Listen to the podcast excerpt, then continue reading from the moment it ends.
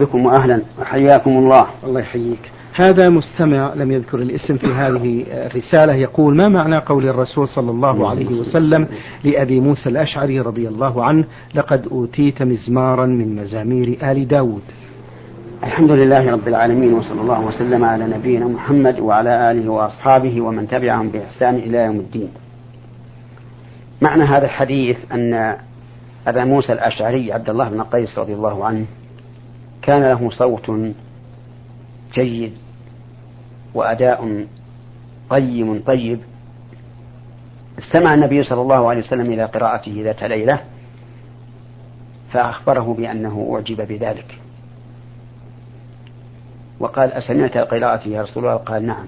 قال لو علمت لحبرته لك تحبيرا. ومعنى أوتي مزمارا من مزامير آل داود أن داود عليه الصلاة والسلام آتاه الله الزبور. فكان يترنم به. وكان له صوت جميل حتى إن الجبال تسبح معه الله. والطير تسبح معه تقف صواف تستمع إلى ترنمه بالزبور وتتلذذ بقراءته. هذا معنى قول الرسول صلى الله عليه وسلم أوتيت مزمارا من مزامير آل داود. ومن المعلوم أنه ليس مراد الرسول عليه الصلاة والسلام أنه أعطي مزمارا له والعزف. فإنه إنما استمع إلى قراءته لا إلى عزفه. والمعازف حرام. لا يحل الاستماع إليها إلا ما استثناه الشرع. كالدفوف ليالي الزواج أو عند قدوم الغائب المحترم الكبير وما أشبه ذلك. نعم. أحسن الله إليكم. يقول السائل ما هو الحديث الوارد في فضل كثرة الصلاة على الرسول صلى الله عليه وسلم ليلة الجمعة أو يوم الجمعة؟ الرسول هو أن الرسول الحديث هو أن الرسول صلى الله عليه وسلم حث على كثرة الصلاة والسلام عليه يوم الجمعة. ومن المعلوم أن كثرة الصلاة على النبي صلى الله عليه وسلم في أي يوم من أيام الأسبوع فيها فضل عظيم لو لم يكن من ذلك إلا أنه امتثال لأمر الله عز وجل حيث قال إن الله وملائكته يصلون على النبي يا أيها الذين آمنوا صلوا عليه وسلموا تسليما. وأنه قيام ببعض حق النبي صلى الله عليه وسلم على أمته لأن حقه عليها عظيم أعظم من حق الوالدين. ولهذا كان يجب علينا أن نقدم محبته على محبة الوالدين والولد والناس أجمعين بل وعلى النفس. ومنها أن الإنسان يثاب على ذلك. فإن من صلى على النبي صلى الله عليه وعلى آله وسلم صلى الله عليه بها عشرة. الحسنة بعشر أمثالها إلى سبعمائة ضعف. ثم إن كثرة الصلاة على النبي صلى الله عليه وعلى آله وسلم. تستلزم كثرة ورود ذكره على القلب. فيزداد بذلك الرجل إيمانا بالرسول صلى الله عليه وعلى آله وسلم ومحبة له وتمسكا بهديه وسنته. أحسن الله إليكم. أم مصعب من الرياض تقول ما علاج الكذب والرياء والحقد والحسد والغرور إذا ابتلي بها الإنسان؟ علاجها ذلك سهل. أن يترك الكذب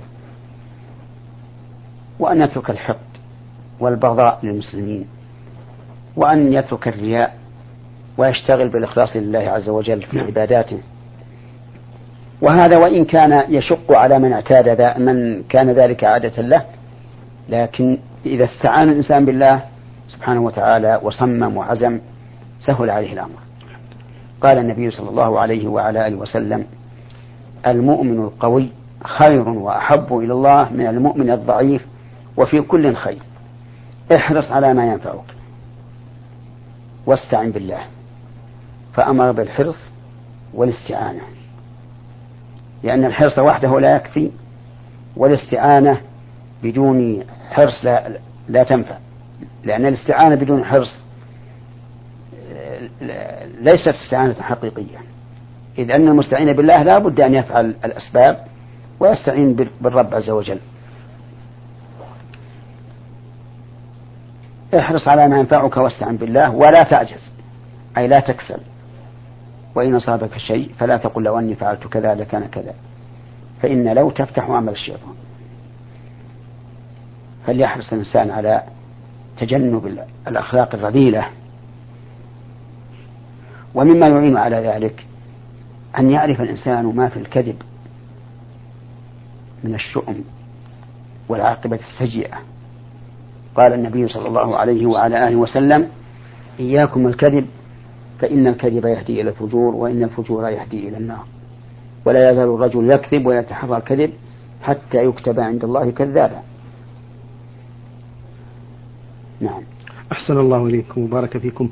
تقول السائلة أم مصعب بن الرياض هل يحق للمرأة أن ترى زوجها بعد أن يغسل ويكفن وقبل أن يلحد؟ لأنني سمعت من, من يقول بأنه لا يحق لها ذلك لأنه يصبح محرما عليها. ما سمعته غير صحيح. فللزوجة أن ترى زوجها بعد موته. بل لها أن تغسله. مع أنه لا يجوز للمرأة أن تغسل الرجل ولا للرجل أن يغسل المرأة إلا. إلا الزوجين. فإنه يجوز أن يغسل الرجل زوجته وأن تغسل المرأة زوجها. ومن المعلوم أن الغاسل سوف يرى المغسول. فلا حرج عليها أن تنظر إليه وأن تغسله كما ذكرنا. طيب.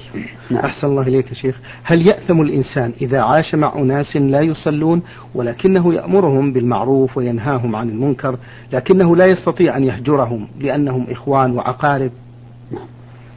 إذا كانوا لا يصلون فالواجب عليه نصيحتهم؟ حينا بعد حين. فإن أصروا على ترك الصلاة فهم كفرة مرتدون عن دين الإسلام مستوجبون للخلود في النار والعياذ بالله وعليه أن يهجرهم فلا يجيب دعوتهم ولا يسلم عليهم ولا يدعوهم. إلا إذا رجع ولو رجاء بعيدا أن يهديهم الله عز وجل بالمناصحة فلا ييأس من رحمة الله. نعم. أحسن الله إليكم. ما هو الحديث الوارد؟ يقول السائل هل من أجر لمن يموت يوم الجمعة أو ليلة الجمعة وإنه يوقى من فتنة القبر؟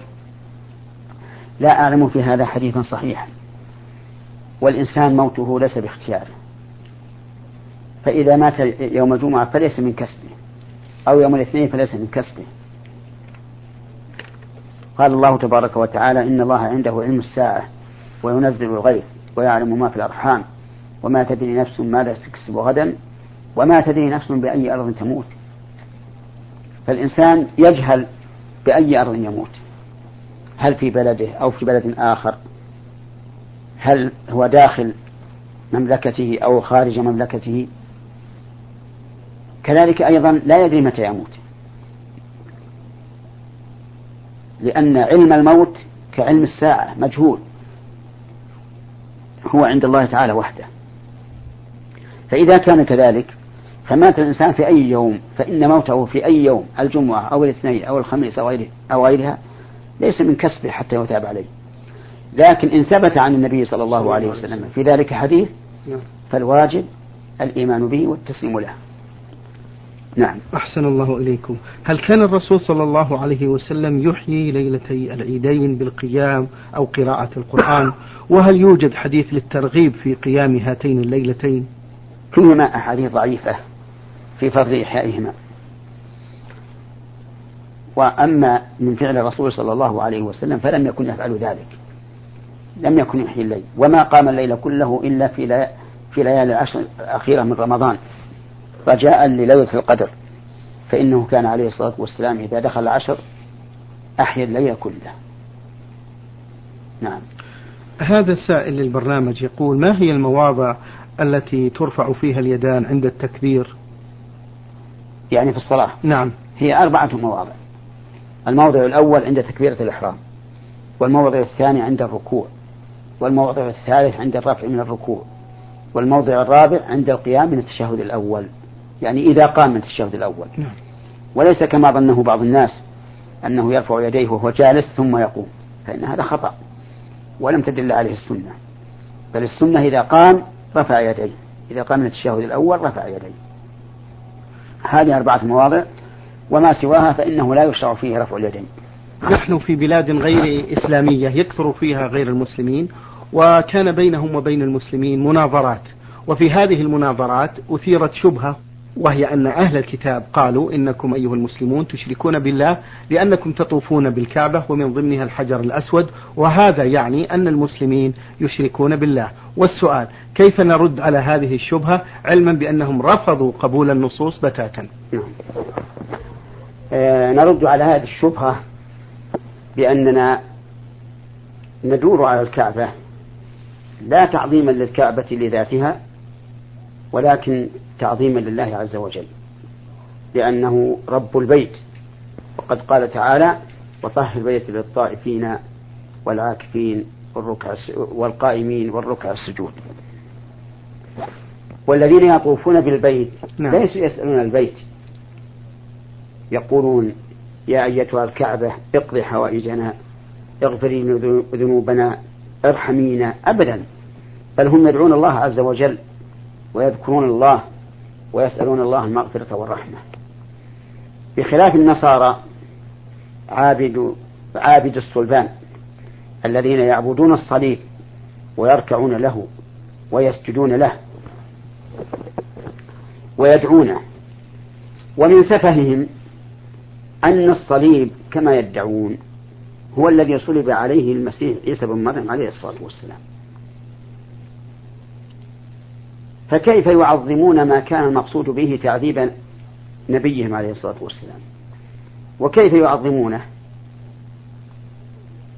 ولكن هذا من جملة ضلال النصارى وسفاهتهم. على أننا نحن المسلمين. لا نرى أن عيسى عليه الصلاة والسلام قتل أو صلب لأن ربنا عز وجل يقول وما قتلوه وما صلبوه ولكن شبه لهم. وهات أي واحد من المسلمين حقا. يقول إنه يطوف بالكعبة من أجل أن تكشف ضره أو تحصل ما يطلب. لن تجد أحد كذلك. نعم. أحسن الله إليكم الشيخ آه السؤال الثاني يقول السائل هل يجوز أخذ المكافأة على تعليم القرآن؟ نعم. يجوز أن يأخذ الإنسان مكافأة على تعليم القرآن. لقول النبي صلى الله عليه وعلى آله وسلم إن أحق ما أخذتم عليه أجرا كتاب الله. لكن لا يجوز أخذ المكافأة على مجرد القراءة أي مجرد قراءة القرآن. لأن مجرد قراءة القرآن لا يقع إلا عبادة والعبادة لا يؤخذ عليها أجر. وبهذا نعرف خطأ من إذا مات ميتهم جمعوا القراء أو أتوا بقارئ واحد يقرأ القرآن يزعمونه نافعا للميت وهو لا ينفع الميت إذا كان بعوض. لأن قارئ القرآن بعوض لا أجر له في الآخرة ولا ثواب له عند الله. وإذا لم يكن له ثواب عند الله لم ينتفع الميت من ذلك بشيء. فهذا فعل محرم لأنه إعانة على الإثم والعدوان. وربما يكون عوض هذه القراءة مأخوذا من التركة والتركة قد يكون فيها وصايا للميت وقد يكون في الورثة من هم قصار. فيؤخذ من مالهم ومن الوصية بغير حق. هذا عدوان عدوان ظاهر. ولهذا ننصح إخواننا الذين يموتون لهم ميت بأن يتجنبوا هذا الشيء. ننصح إخواننا الذين يموت لهم ميت بأن يتجنبوا هذه الأمور وأن يتحلوا بالصبر والاحتساب. فإن النبي صلى الله عليه وسلم قال لإحدى بناته وقد كان وقد مات لها طفل أو قارب الموت. قال للرسول الذي أرسلته مرها فلتصبر ولتحتسب فإن لله ما أخذ وله ما أعطى وكل شيء عنده بأجل مسمى. نعم. أحسن الله إليكم يا شيخ حفظكم الله. من عمان الأردن آه، السائل السائلة تاميم. را تقول سمعت بأن تشبيك الأصابع غير مستحب. أرجو تعليق, تعليق الشيخ على ذلك. تشبيك الأصابع لمن ذهب إلى الصلاة أو جلس في المسجد ينتظر الصلاة أو كان في الصلاة منهي عنه وليس من الأدب. وأما فيما سوى ذلك فلا بأس به. فيجوز أن يشبك الإنسان أصابعه بعد الصلاة لأن ذلك ثبت عن النبي صلى الله عليه وعلى آله وسلم. وذلك حين سلم في إحدى صلاتي العشي إما الظهر وإما الظهر وإما العصر قبل أن يتم صلاته ثم تقدم إلى خشبة معروضة في المسجد واتكأ عليها وشبك بين أصابعه. وما يظنه بعض الناس من أن تشبيك الأصابع محذور كل وقت فهو خطأ. وقد ثبت عن النبي صلى الله عليه وسلم أنه قال المؤمن للمؤمن كالبنيان يشد بعضه بعضا وشبك بين أصابعه. صلى الله عليه وعلى آله وسلم. نعم. تقول السائلة يا فضيلة الشيخ النفس أمارة بالسوء حاولت أن أمنع نفسي وأن أعودها على القليل ولا أمنحها كل شيء.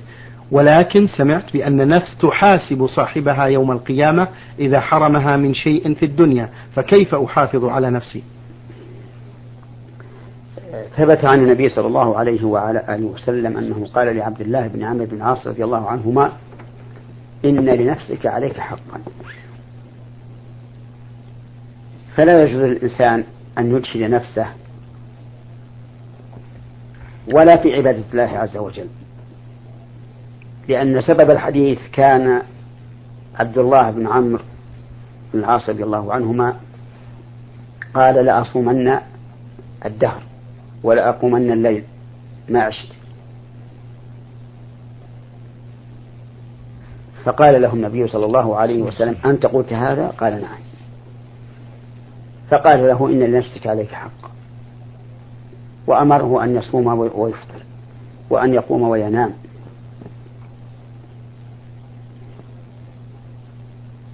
ولا يجوز للإنسان أن يتعبد لله بترك ما أحل الله له. فإن هذا من التنطع في الدين والتعمق فيه. بل ما أباح الله لك فكله امتثالا لقول الله تعالى يا أيها الذين آمنوا كونوا من طيبات ما رزقناكم واشكروا لله إن كنتم إياه تعبدون. أحسن الله إليكم شيخ.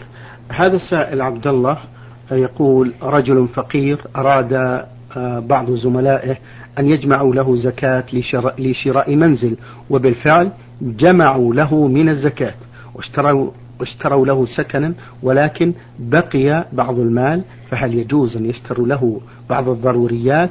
علما بأن الذين دفعوا الزكاة لا يهمهم شراء المنزل أو غيره بل المقصود هو دفع الزكاة. نعم. لا أرى جواز دفع الزكاة لشراء منزل للفقير. وذلك لأن شراء المنزل سوف يأخذ مالا كثيرا.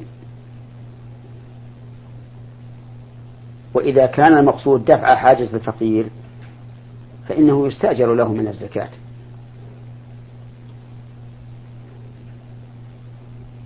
وأضرب لذلك مثلا برجل فقير يمكن أن نستأجر له بيتا لمدة عشر سنوات بعشرة آلاف ريال. ولو اشترينا له بيتا لم نجد إلا بمائة ألف أو مائتي ألف. فلا يجوز أن نصرف له هذا ونحرم الفقراء الآخرين. ونقول يستأجر للفقير وإذا تمت مدة الأجرة وهو لا زال فقيرا استأجرنا له ثانية. وأما شراء بيت له من الزكاة فلا أرى جوازه. نعم إن كان أحد من أهل العلم أفتاهم بجواز ذلك فالمسألة مسألة اجتهاد. وإذا بقي شيء من ما دفع لشراء البيت وكان محتاجا فلا حرج أن يدفع هذا الباقي في شراء حوائج الله. حفظكم الله فضيلة الشيخ. ولكن لا بد أن يستأذن من الفقير. نعم. ويقال بقي دراهم من قيمة البيت فهل ترى أن أشتري لك شيء تحتاجه؟ ويعينه ويقول لهم وكلتكم في شرائه لي. طيب. جزاكم الله خير فضيلة الشيخ. آه هذا السائل يقول هناك حديث فيما معناه بأنه لا يحل للمرأة أن تضع ثيابها في غير بيت زوجها. فما هو شرح هذا الحديث؟ جزاكم الله خيرا. هذا الحديث إن صح نعم. أن من وضع ثيابها في غير بيت زوجها فقد هتكت الستر. هذا إن صح فالمراد أن المرأة تضع ثيابها في حال يخشى أن يطلع عليها من لا يحل له الاطلاع عليها. نعم. أحسن الله إليكم. في ثاني أسئلة هذا السائل يقول يا فضيلة الشيخ في كثير من البيوت في وقتنا الحاضر ظاهرة عدم الاهتمام بنظافة وطهارة المكان الذي يصلى في الذي يصلي فيه الكبار والصغار يدخلون بأحذيتهم على البسط. هل هذا العمل يؤثر على طهارة هذا المكان؟ لا يؤثر على طهارته لأن الأصل هو الطهارة. نعم.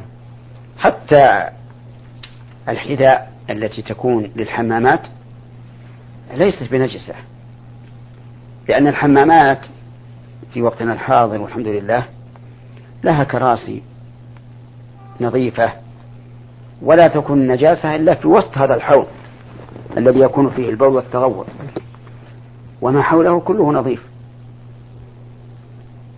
فتكون الحذاء طاهرة وإذا كانت الحذاء طاهرة لم تنجس.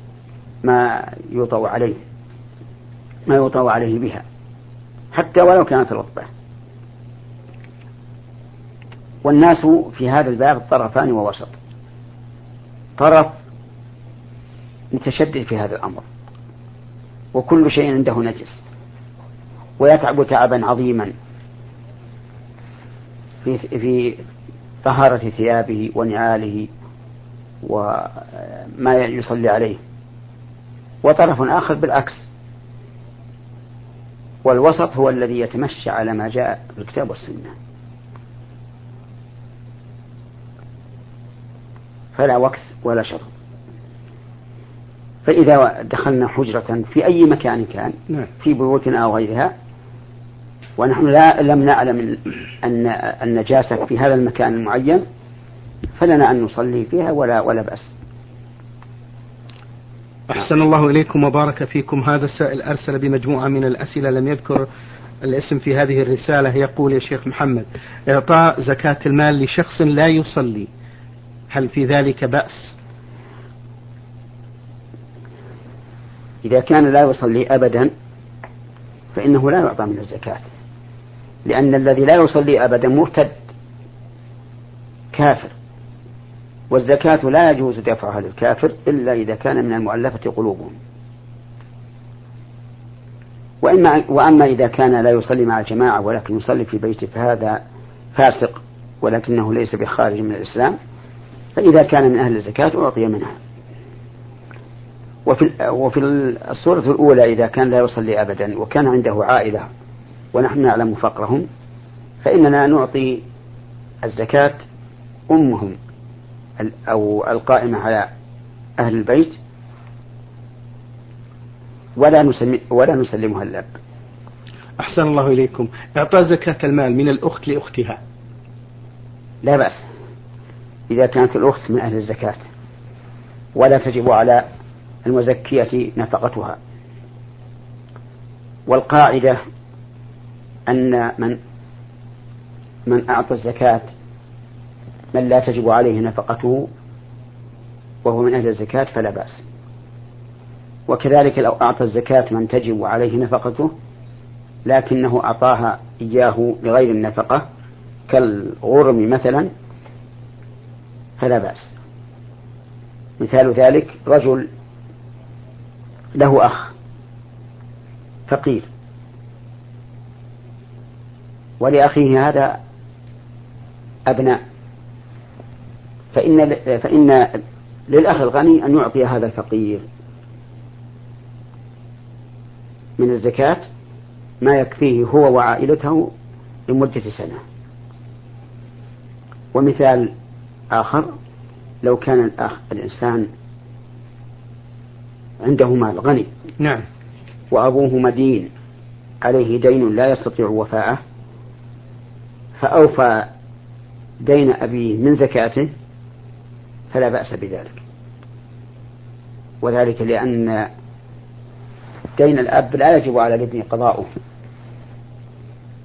وكذلك بالعكس لو كان على الابن دين وهو فقير لا يستطيع الوفاء وعند أبيه زكاة فله أن يقضي دين ابنه من زكاته.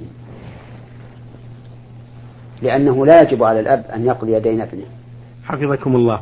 قراءة القرآن بدون وضوء. لا بأس بها. لقول عائشة رضي الله عنها كان النبي صلى الله عليه وعلى آله وسلم يذكر الله على كل أحيانه لكن بدون مس المصحف. وإذا كان لا يحفظ القرآن وأراد أن يقرأ في المصحف وهو على غير وضوء فإنه يقرأه بحائل بأن يجعل في يده قفازين أو يلف عليها منديلا أو ما أشبه ذلك. أخيرا يقول هذا السائل فضيلة الشيخ حكم فك السحر بسحر مثله أو عمل سحر مضاد؟ هذا لا يمكن الفتوى به لما يترتب عليه من الأضرار العظيمة. والإنسان يجب عليه أن ينظر في هذه الأمور إلى العموم لا إلى الخصوص. شكر الله لكم من فضيلة الشيخ وبارك